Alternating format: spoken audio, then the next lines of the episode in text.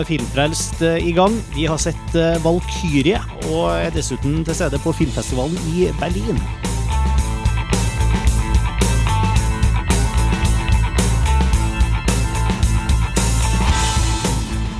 Ja, den eh, veldig krevende andre og veldig viktige andre episoden av, av, av Filmfrelst. Jeg heter Martin Sivertsen, og med meg over Skype Karsten Meinek. Jepp, Hallo, Karsten. til stede. Hei, hei. God søndag. God søndag. Og Erik Fogel eh, fra, rett fra Berlin, faktisk. Live fra eh, festivalen. Live aus Berlin uh, spesial. Ja, her er jeg. Tenkte bare jeg skulle si at uh, kjenningsmelodien vår Det er original song fra norske rockebandet Ping, Ah, Kult. bra. som har donert en låt til oss. Kult. Så det, det Kudos. Kudos til dem. Ja. Mer om Ping på thepingpage.com. Alle lyttere eller på kjøp. Eller egentlig faktisk løp og last ned. De legger jo ut, de er veldig flinke til å legge ut og dele eh, musikken sin. Og det, det er kompiser. En liten disclaimer, selvfølgelig. Likevel, veldig kul musikk, og vi er glad over å ha fått en eh, offisiell kjenningsmelodi. Yes, takk, Ping. Men eh, vi skal prate film og, og filmfestival. Hovedtemaet for uh, denne episoden av Filmfest er Valkyrie. Kom nettopp komme på, på kinopremiere i, i Norge. Det er rett og slett en gigafilm med Tom Cruise og gode greier. Eh, Erik, du har sett den? Jeg har sett den. Og den har jo også en kavalkade med dyktige britiske karakterskuespillere, som ja, Kenneth Branagh og Terence Stamp og Bill Nye er vel også med, og, og det og, Og, Tom- ikke Tom minst Wilkinson. Eddie Izzard. Eddie Izzard. Ja, Ja. La du ikke merke det? Nei, jeg, altså, jo, jo, vet du hva, han virka kjent, men jeg er ikke noen sånn Eddie Izzard-fan, så jeg var ikke helt med. Men nå, når du sier det, så selvfølgelig. Han hadde Ja. en liten, men relativt eh, instrumentell rolle. Ja, ja, ja han var viktig, ja. Men eh, det, faktisk, det slår meg ikke før nå. Det er jo ganske bra. Nei, Vi er, også, vi er uvant til å se en uten drag, kanskje. ja, kanskje det er det. Men Karsten, du har ikke sett eh, Valkyrie? Ja, jeg representerer det, det synet i denne episoden, for å kalle det det. Ja. Jeg har ikke hatt anledning akkurat nå, dessverre. Men det er jo desto mer spennende, på en måte. Da Jeg følte jo at det var en, da vi diskuterte Slumdog Millionaire, så var det jo en eh, litt interessant ting at en av oss ikke hadde sett filmen.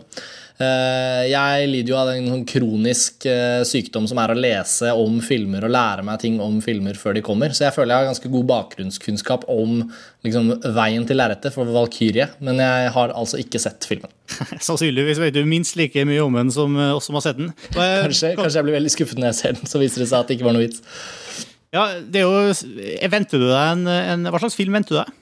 Jeg venter meg, eh, altså det er jo, jeg har skjønt det er jo en historisk film, i den forstand at den forteller en historie som faktisk fant sted, med klassiske Hollywood-modifikasjoner, regner jeg med.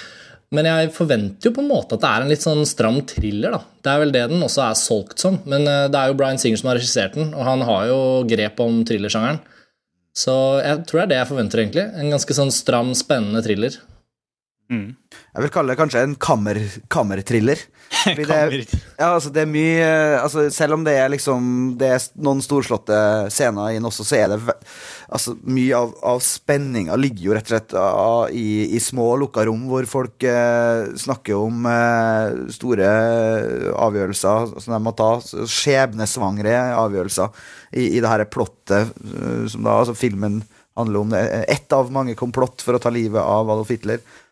Han, eh, han sa jo det, han eh, Michael McQuarrie, som, som har skrevet manus, at eh, det var egentlig en sånn 17 millioner dollars film som, som var Old Men Talking in a Room. Og ironien der, det sier, jo også han McQuarrie, McQuarrie i, det, et intervju som vi begge har hørt, og som vi begge anbefaler på en annen podkast eh, som heter Creative Screenwriting Magazine. Så sier han jo at um, at han, at Bryan Singer var utbrent etter Supermann uh, Returns og ville gjøre en liten film. Eh, og så kommer det her, liksom. Uh, men da er jo liksom mye av Selvfølgelig er det jo det at det når du først får med Tom Cruise, da blir det en annen film med en gang. Men, ja. men han har beholdt mye av, mye av spenninga er altså folk som venter på viktige telefoner og sånne ting. Og det høres uh, kjedelig ut, men det er faktisk veldig spennende. Og, og, og historien det er interessant, Jeg så den sammen med kjæresten min, og hun hadde ikke noe kjennskap til historien fra før, mens jeg har sett eh, altså historien om han Stauffenberg, og det eh, som er karakteren som Tom Cruise spiller, som er en historisk person. Om hans, hans og den gjengen, den ligaen han, eh, han er med i, eh, deres liksom, plott mot Hitler og med å plassere en bombe og sånne ting. Det er Det er, har jeg sett på en Discovery-dokumentar før, med stor interesse. Så liksom sånn, jeg visste mye av på en måte plot plot pointsen uh, i det fra før. Uh, mens det gjorde da ikke kjæresten min. Hun hadde ikke noe forhold til det. Og hun syntes det var uh, veldig spennende stykke historie. Som, som hun, Det at hun ikke var klar over, over det fra før, var, det, det gjorde det ekstra spennende.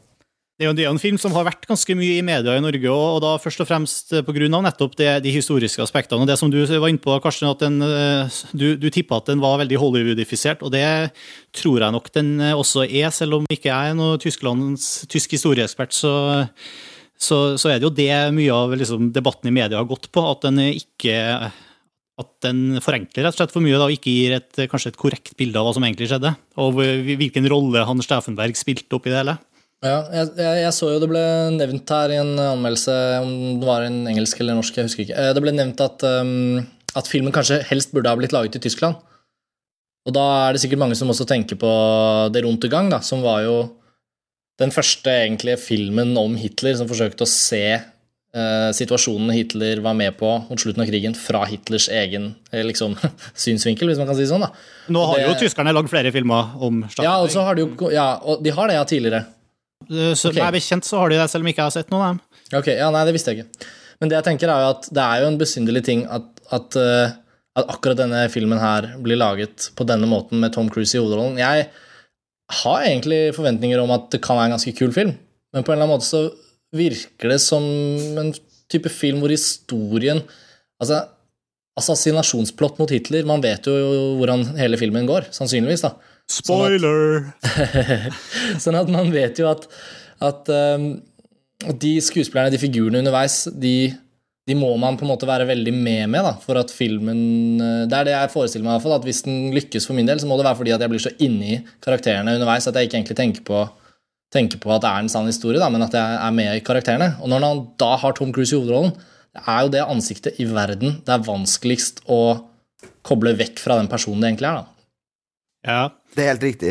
Uh, og, og, den, og, den, er jo Altså, Jeg syns faktisk vi skal snakke litt om språk også oppi det hele. For liksom Altså, den er jo da gjort på en tysk historie, gjort på engelsk, og hvor, uh, hvor uh, Tom Cruise snakker amerikansk, og, og den britiske skuespilleren snakker britisk. og Måten de jo liksom selger inn det her på i starten av filmen, er ganske interessant. De, de har Tom Cruise som sitter og skriver et brev og så hører du eh, voiceover av hva han skriver, på tysk. Og så fader de, kryssfader de imellom. Bare inn i en eh, inn i engelskspråklig opplesning av det samme brevet.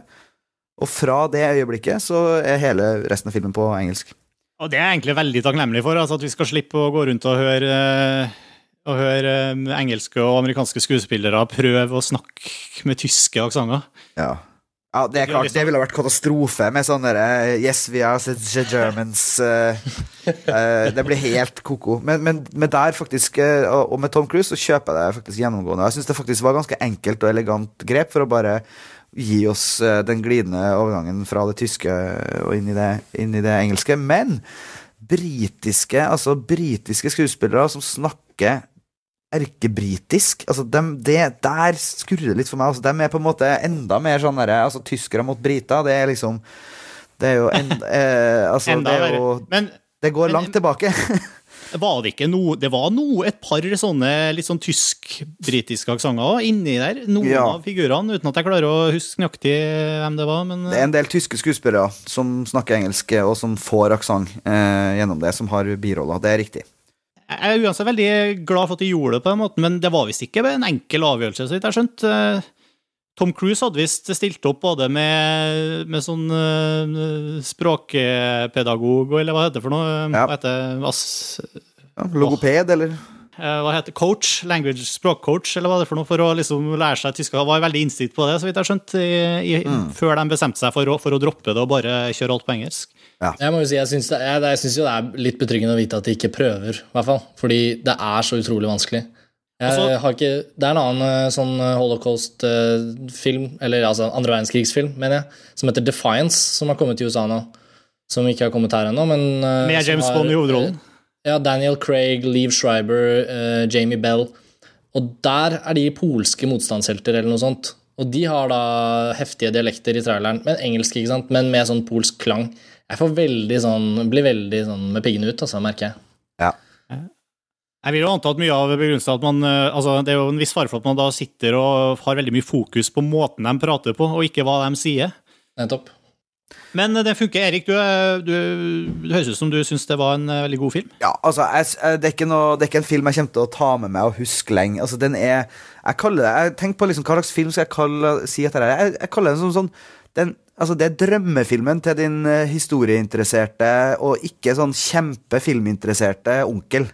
Altså øh, Faren min ville også elska det her. Han går jo en eh, hel del på kino, men øh, men, men den er ikke krevende. Det er en ren popkornfilm, og den er veldig sånn eller, Altså, men den er veldig elegant gjort og veldig sånn håndverksmessig bra, da.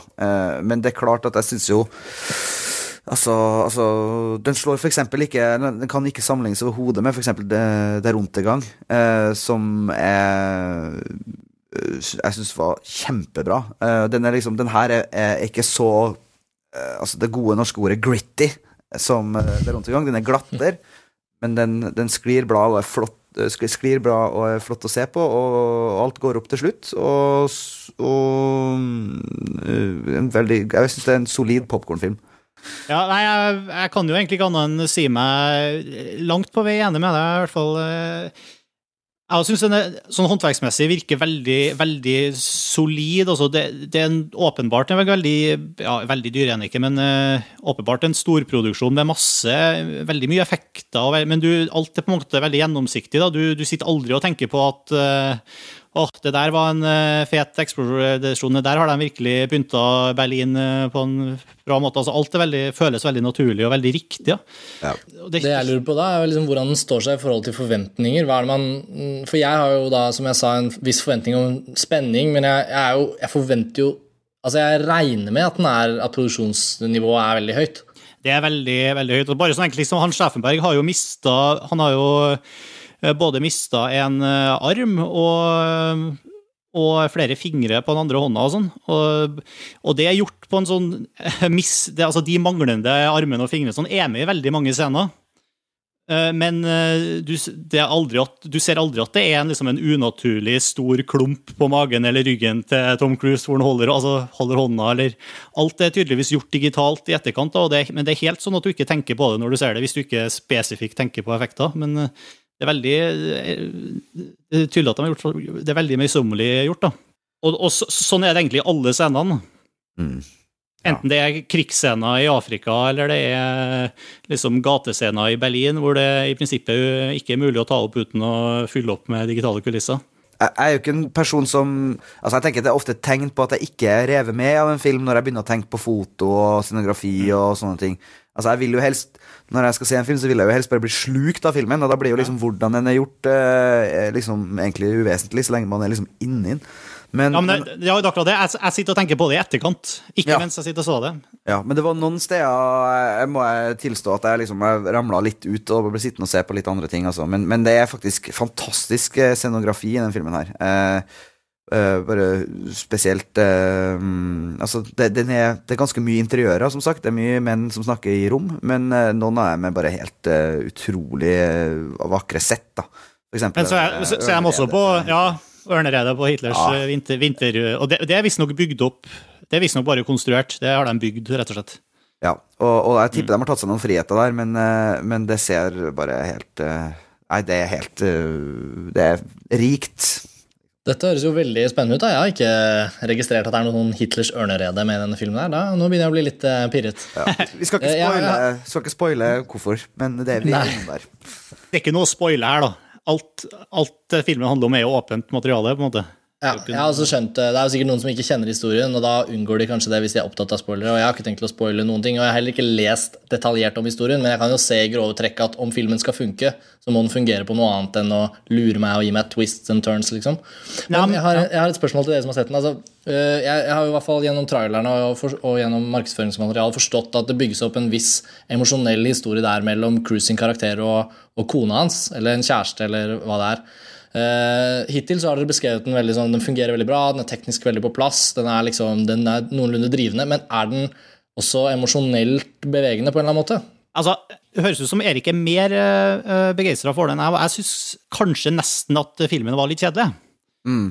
Uh, fordi at uh, jeg sitter og tenker For det første, så, som alle vet, så vet man jo hvordan det går. Det er én ting, så, så, så, det er ikke der spenninga skal ligge. og så har man på en måte ingen Det er ikke lagt opp til noen store actionsekvenser her. Det er mye, mye prating og veldig mye av Altså, Jeg er litt vanskelig for å se hva det de mener at jeg skal synes er spennende her. fordi alle, altså selv det forholdet mellom kona til Staffenberg og Staffenberg er kanskje det forholdet man eh, som kanskje er mest følelsesmessig lada, men selv det er ikke spesielt dypt eller interessant, uh, egentlig. Og, Nei, og takk Gud for det, for jeg tenker at det er sånn Det derre Det er for meg i hvert fall uh, sekundært i filmen. Uh, altså Det føles nesten som et sånn pliktløp. At vi må gjennom, at vi må også forstå at han har en familie, og han ja. bryr seg om dem, og sånne ting.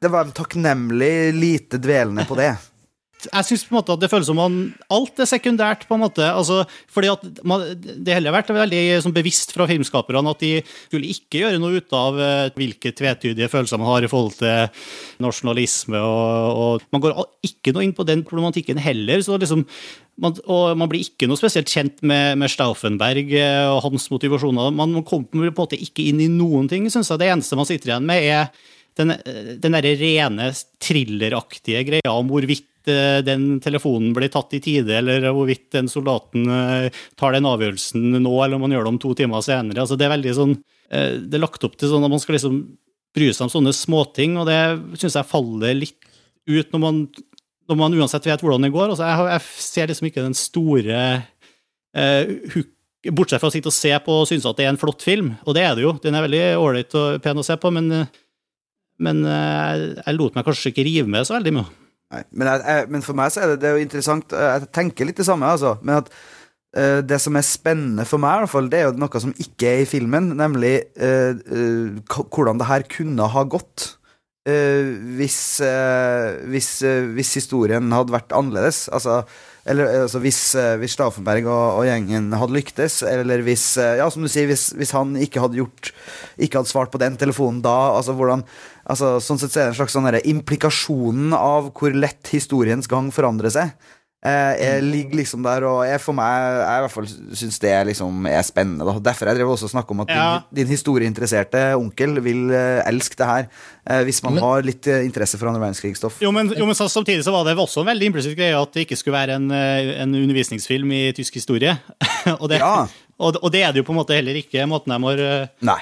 Nei, men det har blitt utrolig kjedelig å drive og liksom og, og, og Nei, jeg syns det, det, er liksom tatt klare valg. Det her er en uh, thriller hvor vi skal følge det løpet fram mot, uh, mot attentatforsøket på Hitler. Og det vet vi som regel Og de er jo veldig tydelige på det i markedsføringa også, så vi vet det fra før av, og da er det det vi får. Og ikke noe mye sånn videreverdigheter og kontekst.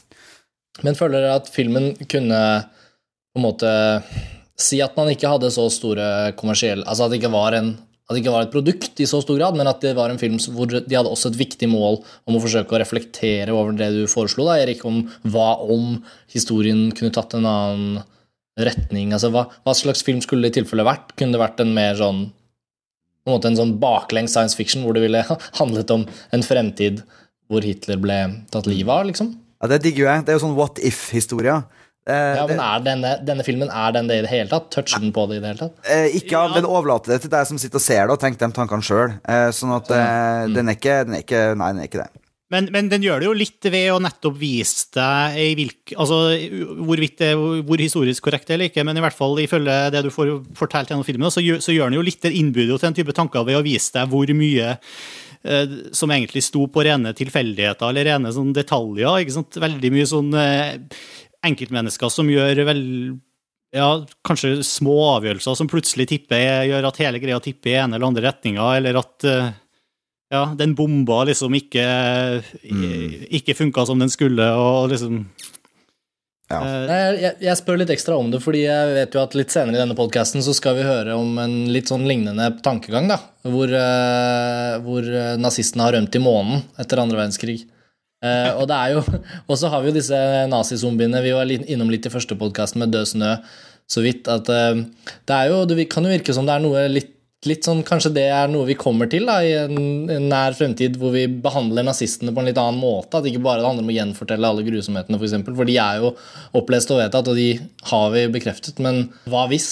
Det er jo en av de tingene som var litt interessant med, med Valkyrie, syns jeg. At det, det var ikke dvela noe særlig ved det i det hele tatt, faktisk. Eh, det var ikke noe særlig Det handla egentlig ikke om nazismen i det hele tatt i, i, i filmen her. Uh, Steffenberg var vel kanskje ikke medlem av nazistpartiet engang, så vidt jeg vet, men, uh, men liksom, det, var, det, var, ikke noe tematikk engang. Det var ikke vist noe grusomheter. Det var ikke noe snakk om konsentrasjonslede og alt Jo da, de sier det. De, de, ja, de, de, nevner det, men det er ikke gjort til noe tema. Altså, det var enighet om at Hitler var gal blant de motstands, for, tyske motstanderne, men det var ikke gjort til noe utdypende tema, syns jeg. Nei, det, det, det, blir kun brukt eh, for å sette opp eh, liksom, hovedkarakteren sin motivasjon for å, for å planlegge det her uh, drapet på Hitler. Fordi at du må, liksom, du må vite hvorfor gjør han det her, og da handler det om at han har sett grusomheter ved fronten, og han har hørt om konsentrasjonsleirer, han har fått med seg hva som skjer, og nå er det nok. Eh, og, og, men, men eh, i forhold til det du sa om at ting er litt i tida med nazister her, uh, Karsten, det er jo Det er mye altså, nazister nå. Vi har jo også hatt norske filmnazister som fortsatt ruller og går på kino i Max Manus. Og, uh, og det, jeg ville egentlig liksom også bruke litt tid på å snakke om det, fordi at det er Du er jo i Berlin. Ja, ja. Jeg er jo Berlin. Men, men, men, men, men Max, Max Manus har også Eh, er sentrert rundt sanne historier. Det er dramatiseringa, og det er sentrert rundt en person. Men i Max Manus, eh, til kontrast, så handler Max Manus mye mer om den personlige kostnaden det har å, jobbe med, med, motstand og sånne ting. Som jo, altså det, han er jo på en måte en motstandshelt, han Staffenberg også.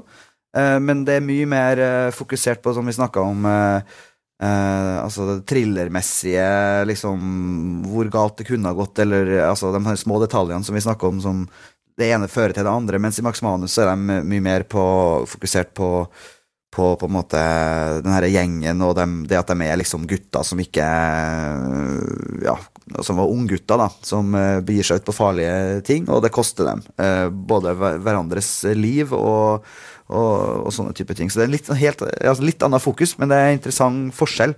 At, uh, at Valkyrie er ikke, er, ligner ikke sånn sett. Du oppsummerte det jo ganske bra i sjangeren din, uh, altså det du foreslo. Kammerthriller. Ja, jeg, jeg, føler, en... jeg, føler, jo ikke at jeg skal se et karakterdrama når du sier kammerthriller. Men jeg mm. føler jo Max Manus til stor grad var et karakterdrama da, med action. Ja, Valkyrie er absolutt ikke det. Det er nesten mer en, en, en spenningsfilm, uh, bare Eh, som tilfeldigvis er satt til andre verdenskrig, på en måte. Ja, og tenk, tenk hvor lite relevant filmen hadde vært, eller hvor lite interessant den hadde vært hvis ikke den hadde vært basert på sanne historier. Altså, Da hadde de ikke hatt noen ting. Jeg tenker at det er mye den der, Siden vi vet uh, at det her er ekte på et eller annet plan, selvfølgelig vet vi også at vi ser en film hvor det er gjort uh, dramatiseringsvalg og sånne ting, men det, men det, vet du når du setter det, så det er ikke noe jeg sitter og tenker på om det eller det er sant, og, og sånne ting underveis. Men, men, eh, det hadde jo ikke vært interessant med mindre det hadde hatt bunn i virkeligheten. Og da føler jeg på en måte at du har fortalt meg om en svakhet ved filmen ja, Valkyrie. Absolutt. Som kanskje gjorde at jeg syns den var på, på nippet til å bli kjedelig. Ja, nettopp. Jeg, jeg syns det, det, var artig. Det er ikke så veldig godt poeng. Jeg bare syns uh, uh, Morgenbladets kommentator til filmen, her, Lasse Midthun, bare kommenterte at eh, noen av de morsomme poengene i filmen her Eh, for eksempel at uh, i en tidlig scene så, så står Stauffenberg der uh, i, i ørneredet, som vi var inne på, ja. og kommer inn og skal ha Hitler til å underskrive et papir. Og i rommet da så har du liksom hele gruppa av bad guys, ikke sant? med Gøring og Goebbels og, og hele gjengen. Så bare Altså som man skriver, en, en enkel håndgranat der hadde vært mye mer effektivt enn det aller meste andre de, de drev og planla og la opp til. Det tenkte jeg på Hvorfor tar han bare hive seg over noe kaldkvele fyren, liksom? fordi, fordi, at han, han ikke, som, som også Midthun på å kommentere, at uh, Schaffenberg var faktisk ikke en mann som var villig til å gi alt. Han var ikke villig til å gi sitt eget liv. Han var ikke villig til å, til å gå inn i her med, med en granat uh, i hånda, liksom en, en, utrolig fascinerende ting ved det som ikke er med i filmen, som, men som en del, var en del av researchen til det, som han uh, Christopher McQuarrie, forfatteren, snakka om i den podkasten vi nevnte. Uh, det var at uh, den her konspirasjonen, da, den her gruppa med tyske offiserer som gikk sammen for å gjøre det her, de, de hadde også skriftlige kontrakter hvor de bandt seg til å, til å gjøre Altså alle sammen hadde sine oppgaver innenfor denne konspirasjonen, ikke sant? Og hvor de signerte på at de var med, og fikk jurister til å gå gjennom det, og i det hele tatt, for å liksom For å liksom avtalefeste at det var én for alle og alle for én, da. Så at ingen skulle kunne benekte det i etterkant? Ja, og ingen kunne trekke seg underveis. Øh, øh, og sånne ting, For da hvis de hadde lyktes og noen hadde trukket seg underveis, så hadde de hatt en kontrakt som kunne vist det. Og, og liksom ja, Jeg vet, da søren, men jeg, jeg syns det, liksom, det, var noe utsøkt tysk øh, over det. Og byråkratisk øh, over det. Men å ha liksom jurister til å liksom godkjenne en sånn konspirasjon skriftlig, det syns jeg var ganske festlig.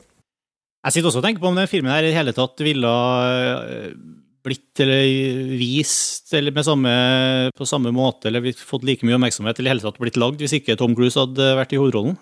Hvis, hvis, det har vært en ukjent skuespiller, selv om Tom Cruise på ingen måte gjør den filmen når man ser den Han er, han er jo helt grei, da, men liksom, det kunne vært hvem som helst. Men, øh, men, ja. men film, altså, hva ville filmen hatt da, liksom?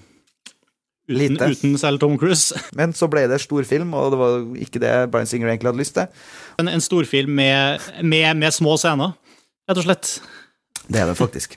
Det er. Singer og Macquarie jobba jo, jobba sammen før med, med den her uh, The Usual Suspects. Det er jo også en uh, menn prater i rommet-film i høyeste mm. grad. Absolutt. Okay. Men der er jeg veldig glad Tom Cruise ikke har en rolle. Ja! Det hadde blitt en annerledes film. Absolutt. Det skal jo sies også at Jeg leste i Variety bare for noen uh, uker siden at uh, Tom Cruise og Christopher McCorry har en nå lina opp masse prosjekter sammen. Ja. Fordi um, det har jo nå Altså, Valkyrie hadde jo en ganske lang og tråklete vei, har jeg skjønt. at uh, den produksjonen fant jo sted egentlig for ganske lang tid siden. Og så ble det satt opp én premiere, og så ble den utsatt, og så ble det satt opp en ny, og så ble den satt opp tilbake, og så endte den opp som julepremiere i USA da, før nyttår. Uh, men Tom Cruise har faktisk ikke egentlig involvert seg i en ny film siden det, med unntak av den lille rollen han hadde i Tropic Thunder. da. Sånn at Han har på en måte et comeback, men samtidig så har han liksom ikke en lang liste av filmer eh, som er innspilt og klare, og som dukker opp snart. Han har jo på en måte et hull, da. Så at, uh, det blir spennende å se hva ja, som skjer. Jeg lurer virkelig på om den mannen skal klare seg, altså. Ja, Er det egentlig et comeback? Jeg er litt usikker. Altså, uh, hva må han gjøre? Altså, er Paul Thomas Anderson fremdeles interessert? Ja, ja. det var jo kanskje Tom Cruise hittil mest minneverdige øyeblikk i Magnolia, eh, i mine øyne. Ja. Respect the cock. Respect the cock. Men eh, eh, eh han eh, Cruise altså, han trenger jo ikke å tenke sånn, han. Han kan jo velge rollene sine med omhu og ta livet med ro imellom. Og han, og han er jo, han er jo produsent nå, ikke sant? Han, jo, han, er jo executive producer på, på Valkyrie. Han driver jo og involverer seg i filmbransjen som mange andre big hotshot-skuespillere. Ja. Så begynner de jo plutselig å trekke i alle slags tråder.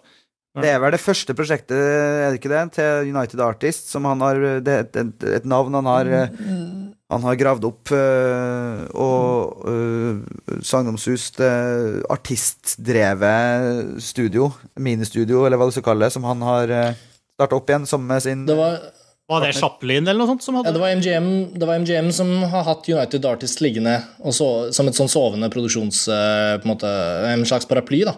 Og så ble Paula Wagner og Tom Cruise, som har vært produsent, eh, produsentpartnere lenge, de ble invitert til å bare ta over United Artists.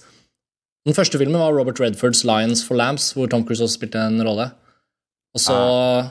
og så hadde de Pinkville, et prosjekt som Oliver Stone skulle regissere, men da 'Lions for Lamps' eh, ikke tjente noen penger, så ble Pinkville eh, kansellert, og så ble det manusforfatterstreik, og så kjørte de på med Valkyrie, og så har Paula Wagner faktisk trukket seg ut av den avtalen med United Artists. Mm. Så Tom Cruise sitter alene på den, eh, på den uh, tuen der nå. Det er selvfølgelig noe vakkert over at Paula Wagner produserer Valkyrie òg. ja. ja. Ellers så var det jo Det ble jo gjort mye nummer ut av at det var en uh, produksjon som var kontroversiell i Tyskland og i Berlin. Uh, men uh, hvor i hvert fall Macquarie i intervjuet sier at det ble blåst opp veldig, det her med at de det var, det var mye internettull der, visstnok. Ja, visstnok. Jeg har ikke noe grunn til å tvile på det når han sier det, men at det var, at det var misnøye blant enkelte, enkelte folk eh, om at de filma på de faktiske eh, locationene hvor, hvor, hvor historien utspant seg. Eksempel eh, Der, der hvor de ble henretta. Ja. Det var faktisk filma på det stedet hvor de, hvor de ble henretta. Ja, men eh, til syvende og sist så Den går jo på kino, jeg ser det jo her rundt i byen, og det er jo ikke akkurat demonstrasjoner i gatene. Men jeg, jeg tror nesten uansett hva du lager om, eh, om andre verdenskrig, så er det vel til en viss grad kontroversielt på en ene eller andre måten i, i Tyskland. Nei, men de har jo for så vidt eh, laga ypperlige filmer sjøl fra sin nære historie eh, og fra krigen og, og sånne ting i Tyskland, så jeg vet ikke hvor kontroversielt eh, det er, eller hvor sensitivt det er lenger. Men Stauffenbergs-historien i seg selv er vel eh, er det vel mye uenighet rundt om. Ja, det kan være også fordi at han er jo, han er jo på en måte det eneste helten man kan være enige om da, fra den krigen. Eller han og hans eh, medsammensvorne. Og, Det, jeg jeg syns egentlig det er litt eh, nå, nå begynner jeg å bli litt kjedet av sånne andre verdenskrigsfilmer. Jeg trenger en sånn revisjonistisk andre verdenskrigsfilm, og det er derfor jeg gleder meg så veldig til Tarantinos neste. For da føler jeg liksom at jeg- Vi trenger en sånn film som bare tar andre verdenskrig Hva er Tarantinos neste, for oss som ikke har fulgt så nøye med på han? Den, eh, den har akkurat blitt spilt inn nå i høst, og den heter Inglorious Bastards. Han har da feilstavelser på begge disse ordene i tittelen for å på en måte poengtere at eh, karakterene er litt eh, Jeg har inntrykk av at det er derfor, da. jeg har annet, skriver en annen liksom- teori om at, eh, hvorfor den tittelen er feilskrevet. Det er jo for at den skal være eh, mulig å google. Sånn at du får unike treff. Fordi at det, det er jo en remake av en film med samme tittel.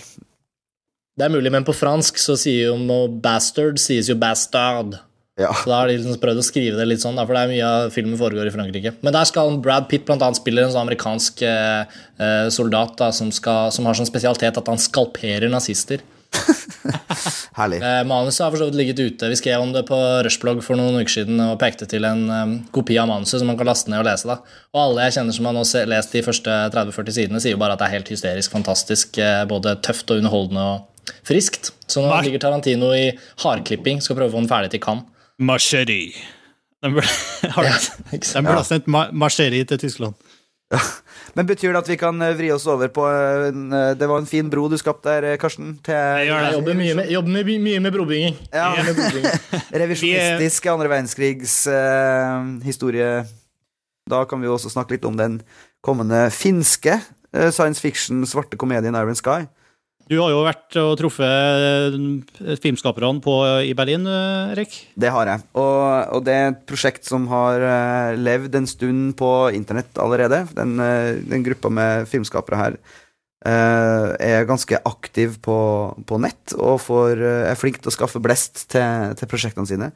De, eh, de, eh, altså, premisset er jo at eh, At noen nazister flykta fra en hemmelig base i eh, Antarktis til månen. Og har bodd der lenge, 70 år, og så i 2018 så kommer de tilbake. for, å, for å gjøre ferdig det de ikke klarte i 1945. Eh, og, og det er en, et prosjekt som som de er veldig Ble, ble Hitler med, eller? Hitler? Nei, det her foregår jo i 2018. Jo, Men var han med å rømme til månen? Var- nei, nei, det var han ikke. Det var en, eh, en vitenskapsmann og et, en gjeng som da utvikla sånne derre Sånne der anti-gravity-systemer på en sånn hemmelig base i Antarktis, som egentlig var der for å, for å utvikle liksom Hitlers supervåpen, som skulle, skulle ta rotta på de allierte, ikke sant? Men det rakk de jo ikke, så de stakk av istedenfor til månen.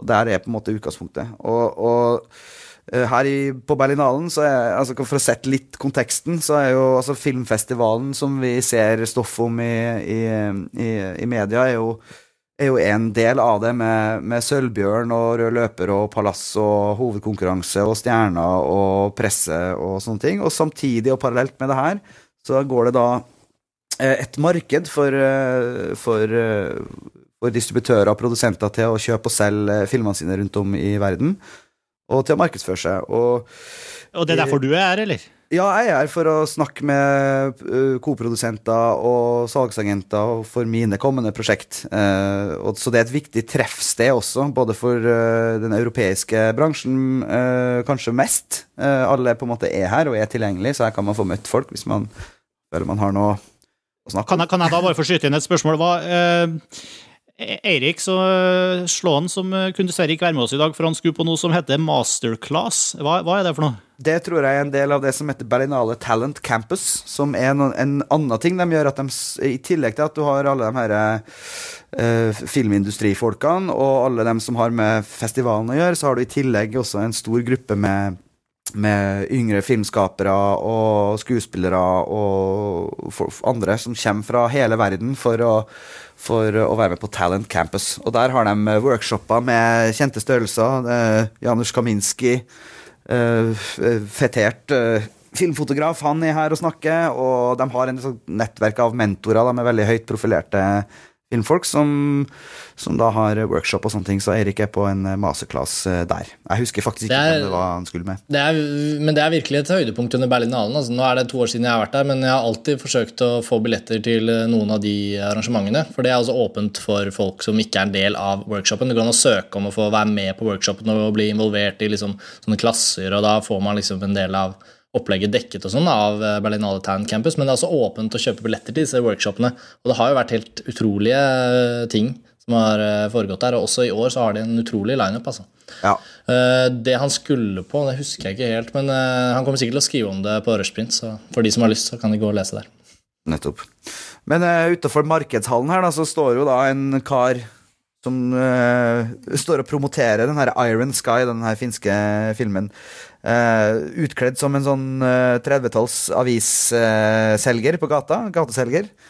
Med sånn stort eh, skilt hvor det står 'There are Nazis on the moon'. Og det er liksom sånn Det er et veldig sånn enkelt, men effektivt stunt eh, de har gjort. Eh, de har trykt opp en avis eh, og, og skrevet en avis som om den var fra 2018. Og det er ganske morsomt, for de skriver liksom sånne nyhetssaker fra 2018 som at eh, US accepts soccer as sports, liksom. Det er nytt i 2018. Eller eh, George Lucas har bestemt seg for å forandre på den originale Star Wars-trilogien igjen. Og nå skal han ha med ikke bare Jar Jar Binks, han skal animere inn hele familien hans også. Uh, så sånne, George, George Lucas benådet for voldtektsanklager. Nei, det, nei den, den var ikke der. Uh, og så Woody Allen har kommet med en ny film. Den var ikke så veldig bra, men den var ikke så veldig dårlig heller. Altså det er jo andre var andre liksom sånn Alt det som før, da, akkurat i den leiren. Men, men Ja, eh, kan du ta med et par ekstra eksemplarer, eller? Jeg har kjempelyst på et. Ja, det skal, det skal jeg gjøre. Det er veldig morsomt. Eh, og i forbindelse med det her, så tok jeg en prat med, med to av dem. Regissøren for Iron Sky, som heter Timo Voren, Vorensola. Er litt, vanskelig, litt vanskelig med finske navn. Og Essi Somela, som er en blogger som også jobber sammen med dem. Eh, og vi møttes eh, i dag, og ja, er en utrolig eh, Altså, dem, det her er jo folk som virkelig har tatt i bruk eh, internett Uh, it was actually very important when we were working our film called Star. And uh, it was a pain in the ass because we didn't know how to make films or we didn't know, we didn't have any kind of an experience. But we knew that there's a lot of people who wanted us to make this film and they were more or less uh, experienced in filmmaking or other parts which we needed for the film. So what we did, we contacted those over the internet and said, could you help us out? Could you do us 3D modeling? Could you do us you know, could you help us with the script or could you become an actor or something like that? And we got a lot of people involved in the process. And later on, when we released the film, these people who had been involved through the internet in our process were actually the core community, which started to spread out the word. And we were able to make it like 8 million downloads to date on on Star Trek because of that core crew of people who helped us to make the film. So what we believe is that when when you include your audience into the production of a film, you can get them so much deeper there that you have already kind of a free marketing force, a viral marketing force that will spread out whatever kind of stuff is coming out of your film, and uh, it's worth a lot of marketing dollars, however you see it. And obviously, of course, the resources that we were able to gain, that's also worth a lot of money. You're also the people behind the collaborative collaborative filmmaking portal Rec a Movie, uh, which is an sort of an interface between you as filmmakers and your audience and your fans. Uh, and they have also contributed to this. They actually wrote this newspaper that you published. isn't that right? Yeah, that's very true. So that's what we uh, thought that uh, now that we have this community, let's activate the community And we have this uh, Recommove platform where the idea is that people can contribute to film productions that are in production right now. And uh, we ask them to write short stories of 2018, like uh, something about the world, how it would be in, in, in 10 years from now. And they they got very deep into the process, and, and we were able to get actually more than we were able to use. So that's how we used it. Yes. And uh, uh, Essie, you are uh, blogging from uh, the Berlinale. Uh, Yes. Is it, so you're sort of reporting back to the fans uh, about what you're doing, is that it? Uh, I think that's one of it. But uh, the blog uh, originally was set up for another reason. Because we have, uh, me and Timo have a lot of opinions about how movies should be distributed and how the marketing should be involved more in the internet and stuff like this. And we just decided that Berlinale would be the perfect place to start our blog and then obviously uh, give like inside information from from us filmmakers, as filmmakers, to, to whoever wants to read it. But that was the just the starting point, and then we will continue our our uh, issues of, of the future, I guess. Yeah, you may check that one out on zombieroom.net. All right. And uh, since you're running off to your uh, your next meeting very soon, uh, uh, uh, can you give us a little bit of the short version of your thoughts for how distribution of feature films will change or has changed uh, in a digital era? I think the problem with the uh, distribution in the digital era is that uh, there is a very old industry that is unable to meet the challenges of the world of today.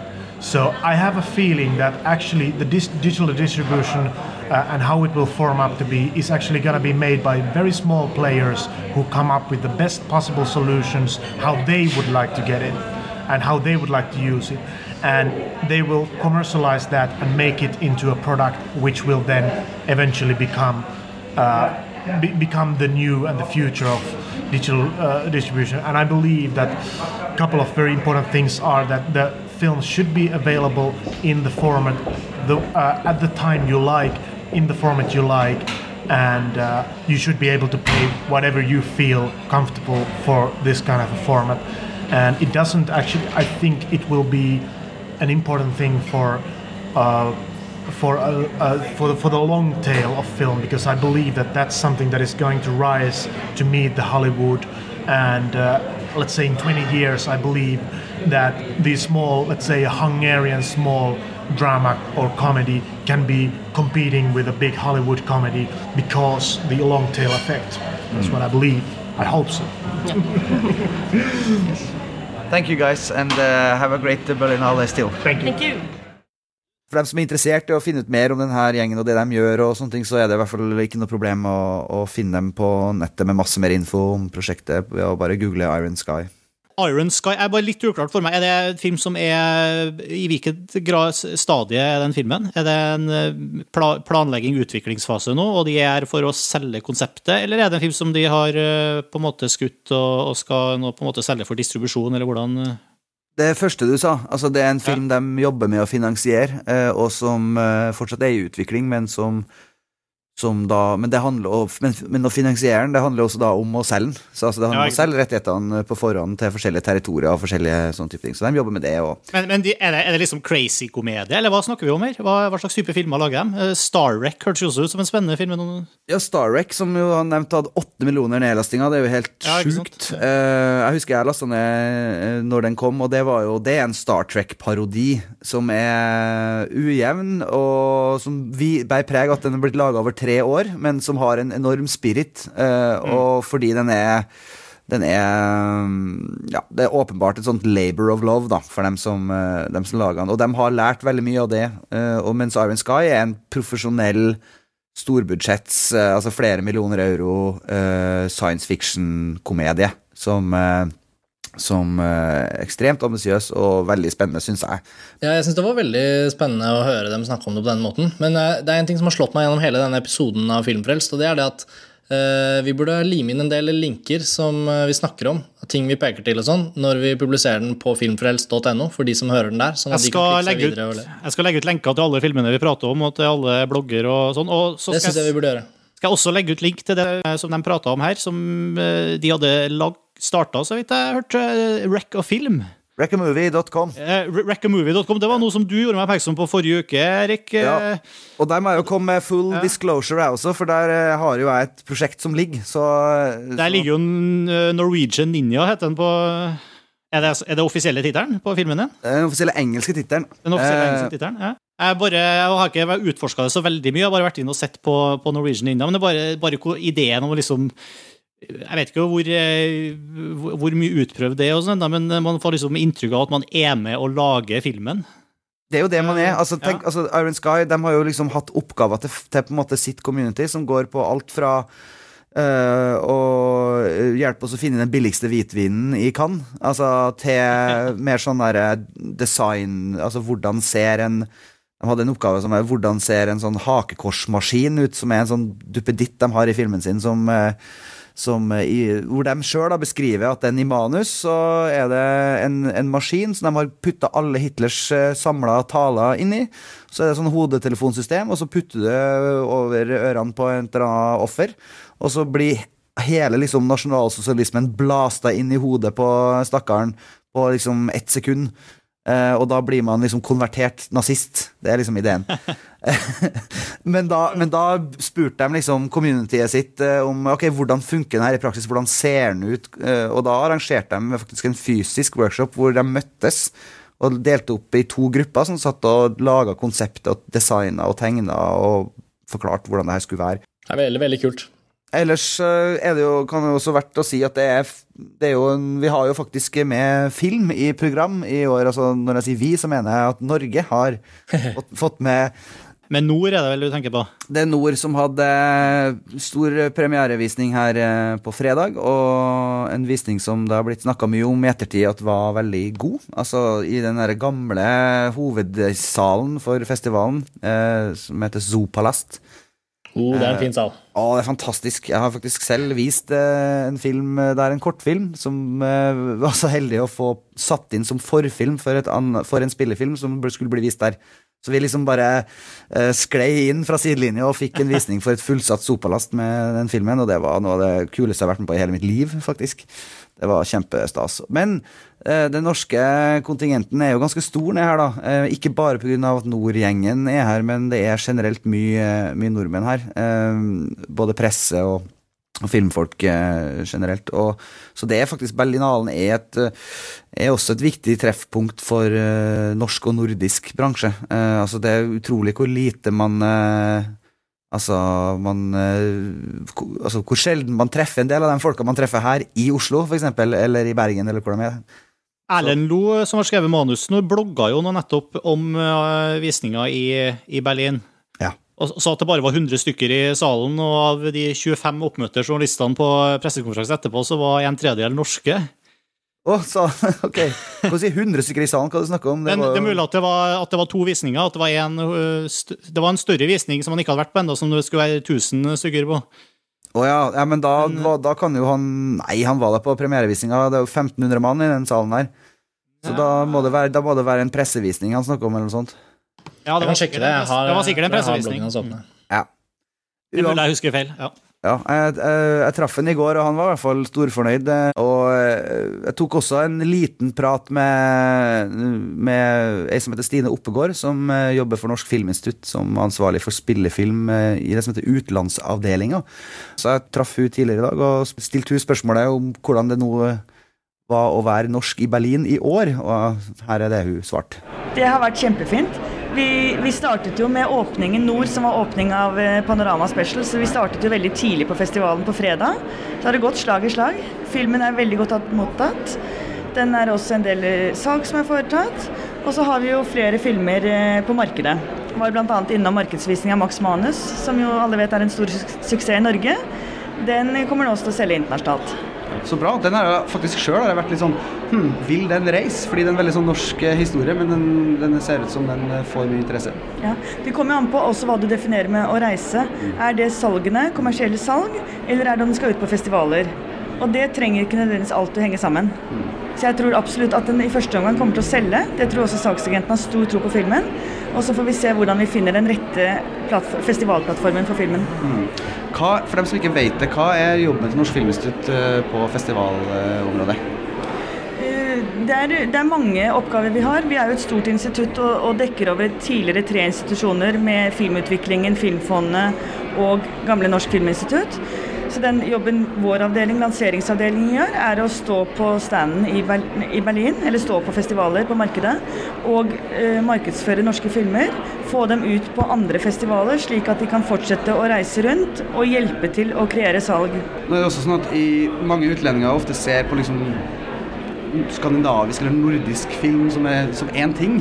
Uh, altså The Nordic Countries snakker man om og sånne ting. Hvordan, hva er det vi, liksom, vi gjør for å liksom, stå ut fra den betegnelsen? Hvis du skjønner? Det, ja, det blir også litt todelt, for vi står jo eh, på de store markedene i Cannes og Berlin, også nå til en viss grad Toronto, andre steder hvor vi har mange filmer sammen, så holder vi oss sammen. For internasjonalt er vi, som du sier, ett land. Men når vi kan ha én ramme rundt fellesskapet, og så er vi hver enkelt er individuelle innenfor det fellesområdet. Så vi har jo vår egen stand her sånn. Vi fremmer de filmene vi har tilgjengelig nå, og prøver selvfølgelig å, å markedsføre de norske filmene som norske, eller at vi, at vi selger inn på regissører som er kjente, produsenter, innspillingstall, hva vi klarer å gjøre for å få oppmerksomhet på de norske filmene. Det var Stine Oppegård. Ja, og det, det som er også kanskje verdt å si, at det, det er jo en del sånn bakgrunnssted der. Altså det er jo det markedshallen her. eh, Er, altså det, er jo, det er jo den middelalderske eh, tanken. Altså man står i en, på en bod og selger varene sine. Altså sånn er det Get your Nazi movies here! ja, ikke sant? Eh, og, og det er liksom sånn Så på ett plan så er film også fisk som skal selges. Den har en eh, holdbarhetsdato. Den, når den er ny, så er den mer interessant enn når den er et år gammel. Eller, eller sånn, man kan si at fisk som er et år gammel, det er kanskje litt spesielt. Den kan være frossen. Den kan være frossen, men uansett, altså, det er en sånn det er, altså, det er fortsatt sånn man selger film over grensene her, eh, ved å ha sin stand og vise fram sine promo-reels på sju minutter og sånn, og sine plakater, og selge inn filmen sin som best man kan. Jeg leste, for, jeg leste forresten uh, veldig positiv anmeldelse av uh, uh, Hva heter den? Max Manus i, i Variety. Å ja, så bra, den kom med. Ja, flere, par uker siden, tror jeg. Å ja, den har ikke jeg faktisk lest. Det var veldig oppløftende. Men den er, det, det er interessant at den eh, Altså, den, den altså jeg som, også, som også kom fram, jeg har vært litt sånn Jeg lurer på om det er interessant for andre enn nordmenn. Men eh, det er en velgjort uh, film også, sånn at eh, den, At den er kommersiell i utlandet, er interessant, syns jeg. Det, det er ikke så mange norske filmer som er det. Det som er den snakkisen i dag for øvrig i Berlin, er jo at det har vært visning av Mammut, Lukas Modisson sin nye film. Svenskene er der med noe sånt som sju eh, Noe sånt som sju filmer i program, så de har jo utklassa oss fullstendig eh, i forhold til tilstedeværelsen, da. Men, eh, men eh, den var faktisk eh, Den ble bua eh, under visning, og det er ganske sjelden. Altså, I Cannes så er man liksom litt mer sånn herre Der er liksom den lyden enhver filmskaper som viser filmen sin kan. Det er den, eh, som man ikke vil høre under visning. Det er det klapset som kommer når noen går fra kinostolen, og den klapper tilbake. Eh, det er liksom døden. Men eh, også Pluss at de ikke er fremmed for å bue og hoie der. Men det, at de gjorde det her etter visninga på Lucas Modisson sin film, det var litt sånn oppsiktsvekkende. Var det på pressevisningen, eller? ja, det er jeg faktisk usikker på. Jeg har bare lest en blogg om det der, om at eh, Men hva er det som er så galt med hans nye film? Han har jo vært eh, tendens til sjokkerende før, men eh, Ja, ikke sant? Jeg tror, jeg tror kanskje er det Altså, det er virkelig slett ikke alle som misliker filmen. Det, skal også, det sier også han eh, bloggeren jeg leste på indiewire.com.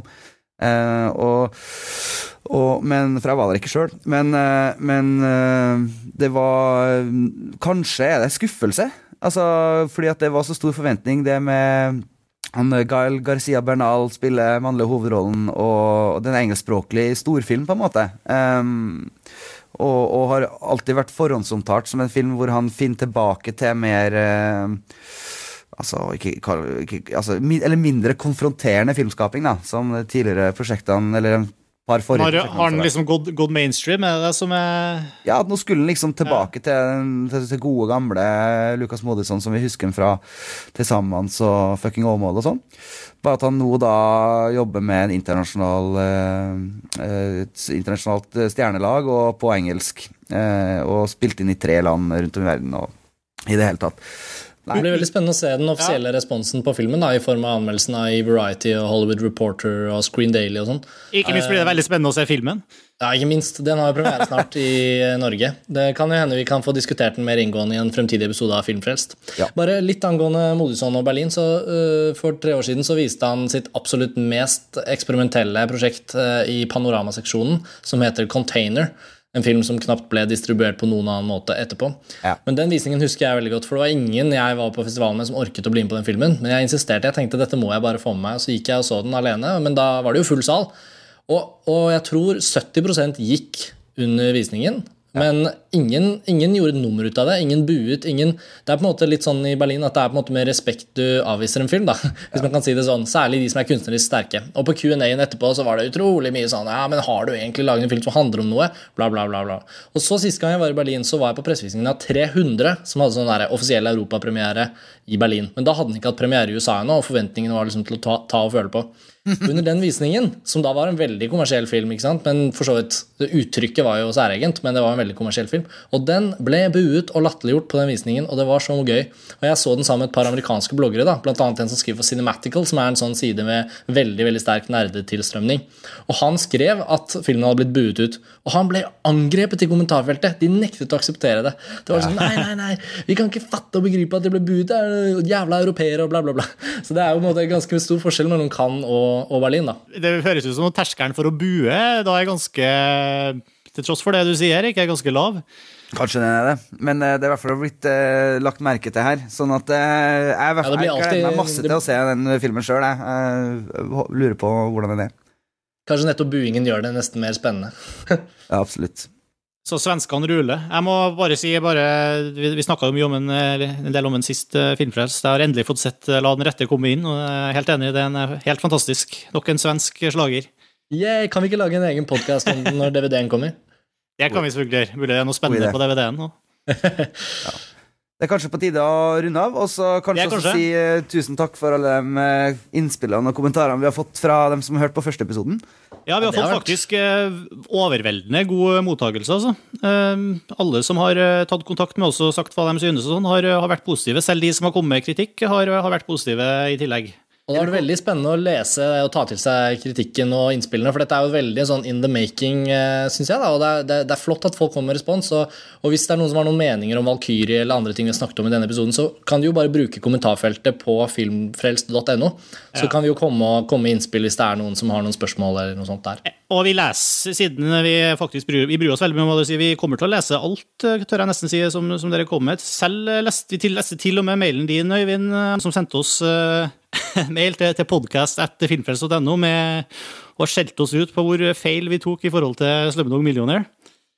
Det er bra. Det er viktig. Da skaper man filmdebatt. Det er, Man gjør det. det. Det, det, Så- det, Det er nesten så vi kan være. søke statlige penger for å kalle dette et kulturtiltak. Ja, absolutt. Så vi leser alt det der med interesse og, og skal jobbe for å bli bedre og bedre og bedre. Og eh, Kenneth, som kommenterte på, på Facebook-profilen min, eh, tok meg også litt på kornet. Med, pratet, vi prata jo varmt om, og mye om, om Sunshine sist gang. Men, eh, og han eh, kunne jo bare kommentere at det filmen er, virker nesten som en blåkopi av Event Horizon. Mm, ja, jo På mange måter. Eh, Så jo mer jeg tenker over det, jo mer ligner de filmene. Selv om eh, Sunshine har mange kvaliteter som, som Event ikke har, så er, i, i oppbygning og i, i story og sånn, så er de veldig like. Ikke helt enig, men uh, Men det har vi ikke tid til å diskutere. Det har vi ikke. Jeg vil bare si at uh, den, den, den type kommentarer uh, blir, eh, settes pris på. Ja, absolutt. Så kom med dem. Og eh, vi setter også veldig pris på om dere abonnerer på oss i iTunes, for der vil vi gjerne komme oss opp på listene. Vi lå allerede en lengre periode på andreplass på TV- og filmlista der. det er jo Og helt sjukt. Det er jo kjempekult. Hvis dere liker oss, så kan dere til og med legge igjen en positiv omtale i iTunes, sånn at vi får noen, noen stjerner. Hvis dere ikke liker oss, så trenger dere ikke å legge inn en, en omtale på iTunes. Da kan dere sende mail isteden.